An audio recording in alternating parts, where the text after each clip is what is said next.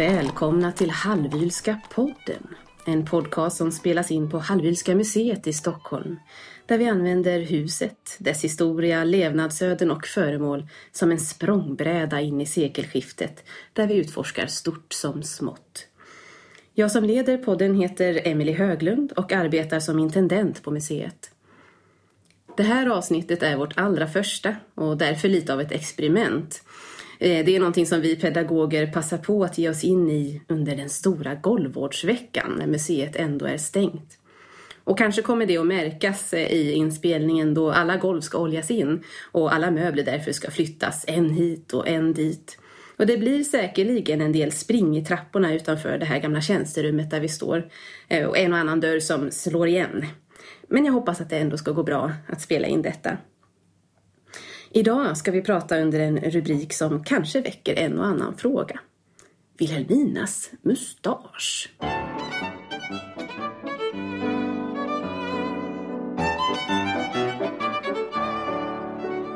Och med mig för att eh, lotsa er in i vår värld har jag mina eminenta kollegor pedagogerna Frida Bovallius, Mm. välkommen, Tack så mycket. Hej, hej. eh, och Asmara Nigusse, Ja, välkommen. tackar. Och då dimper vi ner lite grann mera i dagens tema. Och jag tänkte att vi skulle utgå från ett fotografi eh, som jag tror att vi alla tre visar på våra guidade visningar om vi råkar slinka förbi gymnastikrummet, vilket ju händer allt som oftast. Där finns det ett eh, fotografi på tre damer i full färd med en gymnastiklektion. På bilden kan man se fröken Ida Ose som var sällskapsdam här i huset. Man ser Wilhelmina förstås och deras gymnastikinstruktör, sjuk, eller Sofia, systern, eh, Ida Westman. Sjukgymnast. Sjukgymnast. Jag blev faktiskt eh, ska man säga, tillrättavisad eller informerad om detta under en visning. Jag sa ju lite snabbt sjuksystern. Då var det tydligen en sjukgymnast som hade studerat vid Sofiahemmet som var väldigt intresserad i historien och ville markera, nej, hon var sjukgymnast, en av de första.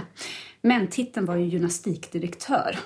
Som den personliga tränaren hon var helt enkelt för Vilhelmina. Och på tal om våra besökare som är en guldgruva när det gäller både idéer till ämnen att ta upp under visningarna och information som kan komma spontant som ni precis märkte, så finns det ju någonting som ofta inträffar eh, när man visar just den här bilden.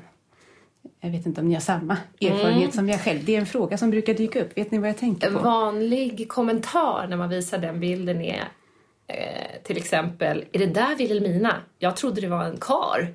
Eller hon ser ut som en man. Eller, jaha, jag trodde det där var Walter. Och så tror de att sällskapsdamen var Vilhelmina. Ja, Håller du med om det? Väldigt ofta. Och det blir ju ett litet avbrott i visningen här då. Det blir nästan som en liten chock för dem, tycker man. Ofta har man ju mycket saker att berätta kring det här gymnastikrummet eller den här bilden men ofta kan inte, folk kan inte riktigt släppa att det är just Vilhelmina på bilden så det kan vara svårt ibland att få gå vidare med det man vill säga. Personligen har jag lite roligt åt då att eh, om det nu var Walter så skulle han haft kjol på sig. Ja. Vilket ju hade varit lite, lite kanske mer anmärkningsvärt än det som gör att man tänker att Wilhelmina är Walter på den här bilden. Och vad är det då som gör det här? Det är en mustasch. Vilhelminas mustasch. Wilhelminas mustasch. Precis. En antydan till sådan. Ganska stark. Och det här är ju inte det enda stället som, eh, som vi stöter på den här ansiktsbehåringen, eller hur? Det finns ju också en teckning ja. som du har hittat och Ja. visat för oss alla. En eh, favoritfynd i eh, arkivet. Men där finns ju väldigt mycket bevarat. Det finns ju menyer och recept och julklappsrim. Men också barnteckningar som barnbarn och barnbarnsbarn har ritat. Och då finns det en som är ritad av Margit, eh, ett barnbarn till Vilhelmina, dotter till yngsta dottern Irma helt enkelt. Och Margrit hade tydligen väldigt tråkigt en julafton på um, Vegaholms slott 1913, om jag minns rätt nu. Och så går hon till mormor och ja, visar upp sitt besvär här. Ingenting att göra. Så då ser mormor som förslag att ja, du kan ju rita av mormor när hon sitter här och läser i stolen. Ja, och så blir det. Hon blir avbildad av sitt barnbarn. Men innan hon blir klar så nämner Vilhelmina också tydligt att, ja hur gick formuleringen nu? Ungefär, mm, för allt i världen så får du inte glömma att avbilda mina mustascher. Så på bilden kan man se Wilhelminas mustasch synlig, helt Mm. enkelt. Det är ju oerhört festligt. Det är ju, för att man kan ju tänka när man ser den här teckningen att det liksom är Vilhelmina i ett barns ögon. Men här fanns det alltså till och med en instruktion. Och det är ju någonting som vi vet också följer med in i salongsporträtten som visar Vilhelmina för oss. Jag tänker på Julius Kronberg. Vad, vad ser man i den bilden Frida?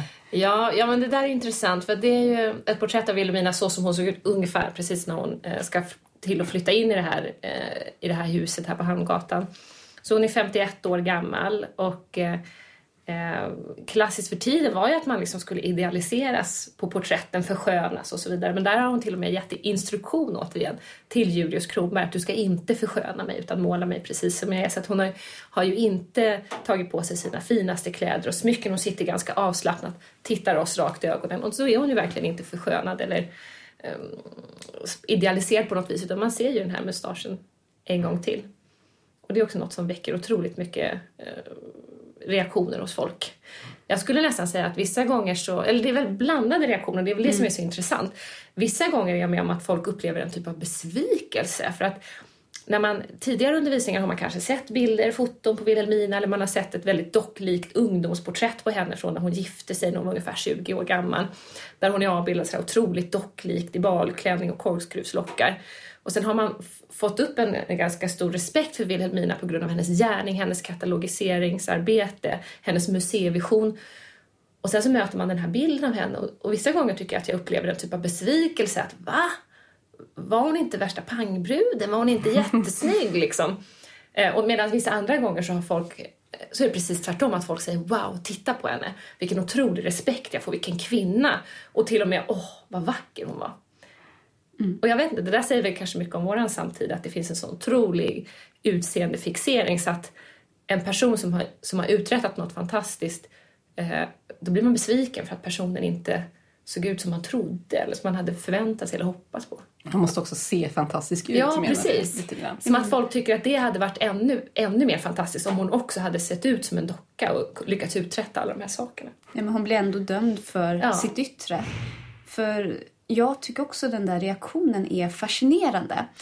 Det, det blir nästan alltid som en liten lärostund under visningen då, för då måste jag alltid kommentera reaktionen. För man vill ju att man ska reflektera över det här. För under visningens gång då belyser man ju väldigt mycket hur Wilhelmina ehm, ska man säga, bryter mot normerna i sin tid.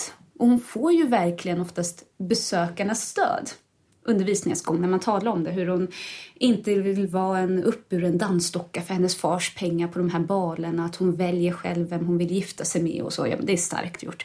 Ja, skapar ett eget museum, är storsamlare, kliver in i männens värld och det är beundransvärt. Och så möter man henne där. Och helt plötsligt, som du säger, så spelar det ingen roll vad hon har gjort. Utan då blir det det här lite fnittriga. Bara, eh, men är det hon? Hon ser ut som en karl. Eller vad, vad är det här? Vad är det som händer? Och så blir det istället väldigt mycket personligt på ett sätt. Att det är... Nej, hon upplever inte till den mest grundläggande förväntningen man har på kvinnor. Samtidigt är det väl mer än mustaschen som gör att det känns som ett maskulint porträtt. Alltså hon sitter Mm. ju ganska eh, avslappnat i den här stolen. Hon har tagit på sig sin allra senaste outfit. Mm. Utan den har några år på nacken och det, det vet de om som ser porträttet. Hon tittar rakt på betraktaren och hon har ingen märkvärdig uppsättning heller. Så att säga. Och det är, ju, det är ju någonting som man inte brukar hitta i den typen av porträtt eh, från den här tiden. Vi har ju ett annat porträtt i samma rum som är så tacksamt att jämföra med också. Porträttet på den yngsta dottern Irma von Geijer som är högst konventionellt. Och Där är det ju där är det ju klädseln som visas fram. Man visar familjens ekonomiska status genom att liksom ta på sig det allra bästa. Och man ska se bort i fjärran lite grann. Så att den som ser på porträttet kan titta lite friare och lite längre, lite mer avslappnat. Och det är någonting som Wilhelminas porträtt ju inte inbjuder till. Själv tycker jag att det är ganska roligt att det här porträttet hänger just i rökrummet. Ändå, för att eh, vid formella tillställningar så är ju rökrummet det är ju män, männens domän. Ja, eh, man kan ju tolka det som att eh, hon har placerat sig själv inne i rökrummet, att hon tycker att där kan herrarna gott sitta och diskutera politik och pengar, men att det egentligen är hennes pengar eller att hon har någon slags eh, att hon är övervakare där på något vis för att pengarna kommer från hennes sida av familjen. Men samtidigt så finns det ju en ganska naturlig anledning till att det hänger där inne. För det var ju där inne Walter satt och skrev sina brev och skötte sin korrespondens. Och då har han porträtt på sin fru där inne. För det är ju samma sak i Wilhelminas, vid Wilhelminas skrivbord. Där har hon ju faktiskt ett porträtt på Walter över sitt skrivbord. Mm, så det egentligen kanske inte är så konstigt. Det är någon sorts grammatik Ja, för, för porträttshängning så att säga. Man ska ha sina nära och kära nära sig i de rummen där man, där man sköter sin korrespondens och där man tar emot sina visiter. Men inte en bild på sig själv förstås. För det. Precis, det hade varit egenkärt. Ja, det går ju inte. Då har man ju den som står en närmast, Mm. sin äkta make, maka.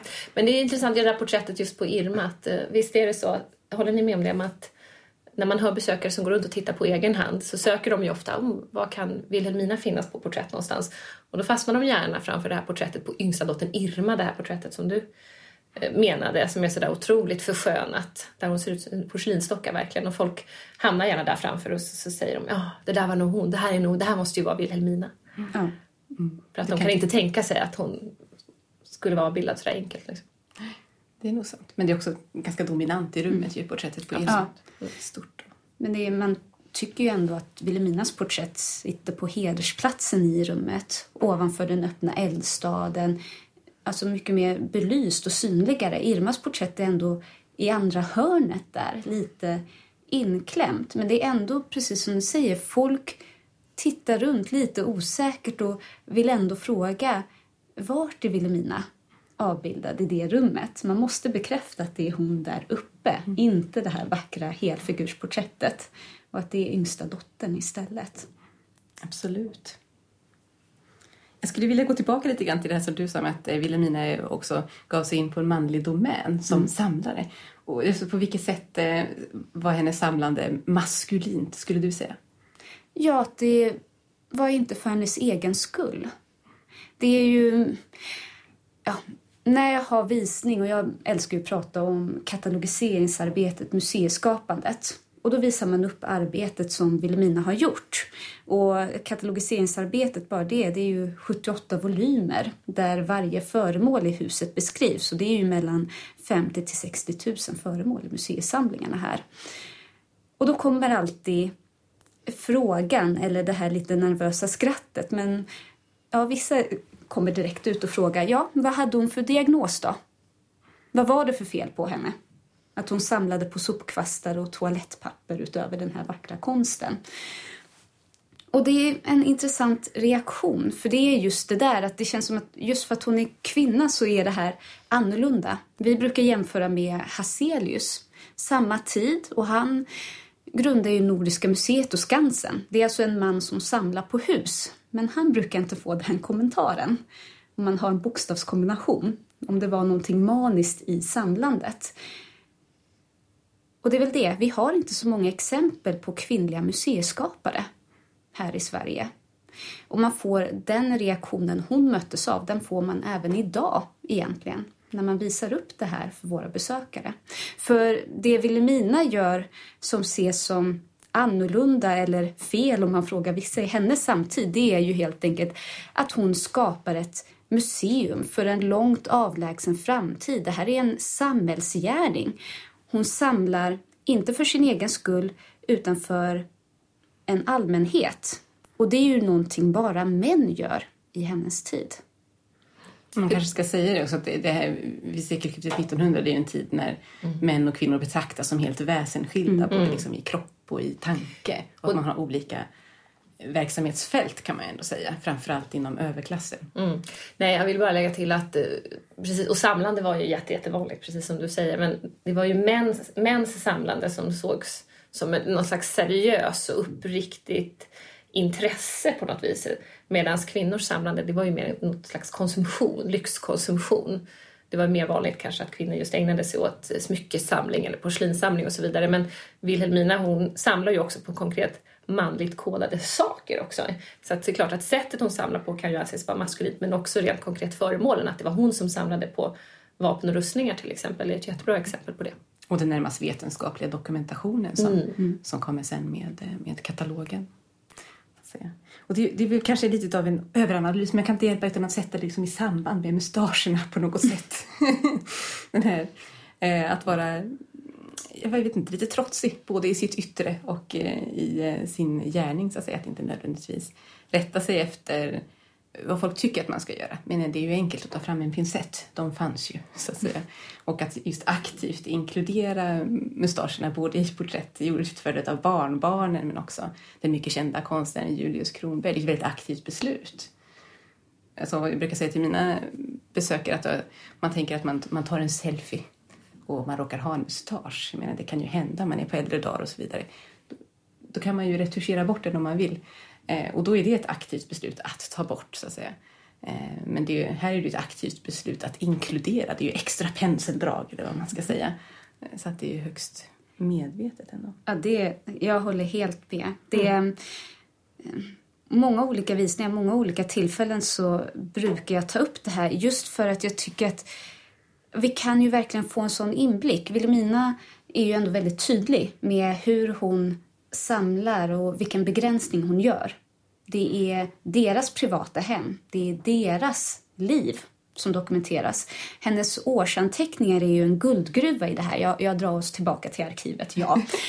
det är lite av Asmaras roll här ja. i podden och museet. Fick jag välja skulle jag aldrig lämna arkivet alltså, helt enkelt. Men det är, det är det som är så talande. Det är det jag oftast vill försöka belysa för besökarna när de går på visningarna. Att det här är inte av en slump. De här brytningarna hon gör mot förväntningarna, mot normerna. Det är inte att hon råkar vara slarvig. Hon är väl medveten om vad man anser att en kvinna ska gå klädd i eller hur hon ska presentera sig och att hon absolut inte ska ha någon behårning på övre läppen. Det är mustasch ett manligt attribut såklart.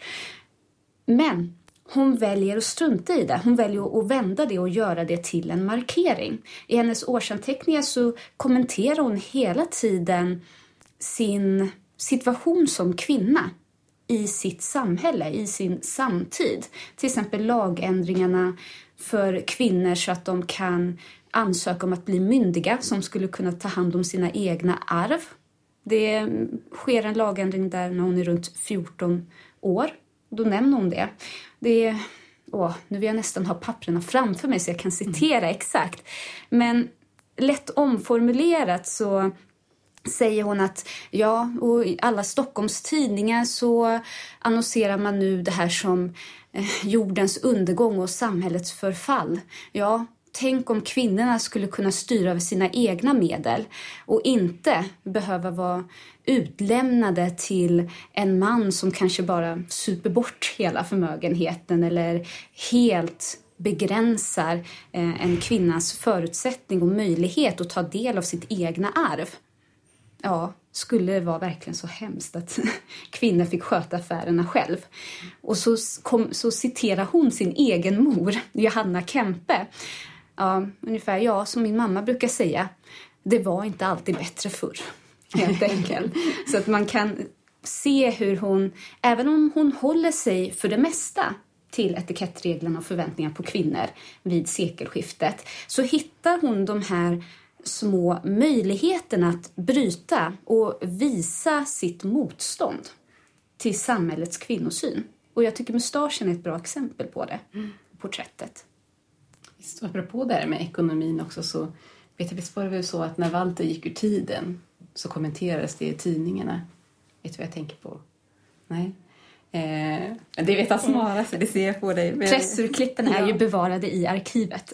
Men det är helt enkelt att allting tillskrivs Walter. Det står att greven Walter von Hallwyl eh, donerar sitt privata hem och samlingarna till staten så det ska öppnas som museum. Fastän det är Vilhelminas verk som vi vet. Mm. Det här har ju med hustrurnas omyndighet att göra ju också ja. förstås. Därför att formellt så sker det ju förstås i Walters namn. Mm. han är den som har hand om pengarna. Ja. Men är det inte också därför som den här donationen skrivs på just där kring 1920. Det är ju först då de här donationspappren, man ska säga det här kontraktet, testamentet får man väl kalla det för, mm. eh, skrivs på där det står att huset och alla inventerier ska komma att doneras till staten. Det sker ju precis kring 1920 även om idén har funnits ända sedan 1898 när paret flyttar in här. Och det eh, har ju såklart att göra med eh, att kvinnor blir myndiga. Exakt. Exakt, det är just det. Man medvetet, eller Vilhelmina tror jag, ser till att medvetet vänta med att skriva kontraktet där donationen går till staten tills det att hon är myndighetsförklarad. Tills det att man är myndig som kvinna, vare sig man är gift eller ogift. Så att hon också står med på testamentet. Det är inte bara hennes mans namn på det här arvet för det framtida samhället. Hon försäkrar sig om sin plats. Så ja.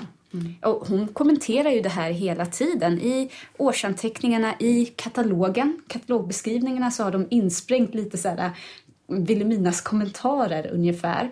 Och hon oroar ju sig över det här eh, till viss del. Det ser man ju. Hon såg ju också till att släktborgen i Schweiz, där Walter kommer ifrån, det slottet, det restaurerades. Hon tog ner svenska arkeologer dit som grävde ut det och så gjorde hon stiftelse och museum av alltihop där också. Och så ja. kommenterar hon att ja, i framtiden kommer de säkert tro att det var Litberg, arkeologen hon anställde då för det här arbetet, att det var hans verk. Mm. Och det, där ju... kommenterar hon ju flera gånger gällande sina rådgivare. Hon ja. har ju också hjälp av eh, Joni Rosvall, konsthistorikern som ju var gift med en av hennes döttrar, att att hon tycker att hon har haft god hjälp av många av de här männen men hon tycker också att de är duktiga på att ta åt sig äran. Och den här, det här tankesättet fortsätter ju sen i den här donationen till staten när hon ju faktiskt eh, skriver i museets stadgar att det också ska vara en kvinnlig museichef här. För att också trygga, alltså, eller för att hjälpa kvinnliga akademiker. Mm. Och se till att museet och dess uppkomst faktiskt inte försvinner bort. Mm, Just det kvinnliga skapandet mm, av ett museum. Men det där är ju också att det där med en kvinnlig museichef är ett bra exempel också på hur hon tänker på det här, inte bara utifrån sig själv, utan för alla andra. För Jonny Rosvall, som du nämnde, han gifte sig med mellersta dottern Ellen. Och ja, det kanske är någonting för ett annat avsnitt av podden. Ja, med vad som hände. Det är, Ellen är ju lite av svarta fåret i familjen. Men jag hoppas snarare till när hela konflikten är löst. Och hon och Jonny Rosvall de bygger ett konstnärshem, Uramaris, på Gotland. Men när Ellen och Vilmina är försonade, ja, då är hon snabbt där igen för att skydda sin dotter och i brevväxlingar kan man se hur Vilmina oroar sig än en gång för att Ellen ska hamna i skymundan. Att det är Jonny Rosvall som kommer hyllas som arkitekten av det här vackra konstnärshemmet fastän det är Ellen som är skulptrisen som samarbetar med arkitekten som inreder den här vackra skulpturträdgården som är precis lika vacker och känd som huset. Det är en kvinnas verk men Vilmina oroar sig här också för att dotterns verk ska för, ja, hamna i skuggan av hennes mans, konstprofessorn. Mm. En generation senare, dock utan mustasch. Ja, fast hon hade ju andra attribut som... Det röda håret. Exakt.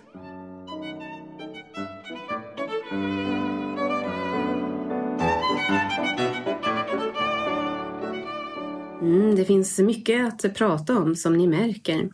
Vi har inte nått vägs ände men väl slutet på det här avsnittet. Bilderna som vi har pratat om hittar ni på hemsidan i anslutning till avsnittet. Tack så mycket för att eh, ni har lyssnat till oss och tack också till Frida och Asmara för att ni delat med er av era tankar och ert kunnande. Mm. Ja. Tack så mycket. Tackar. Vi återkommer med ett nytt avsnitt om en månad. På återhörande.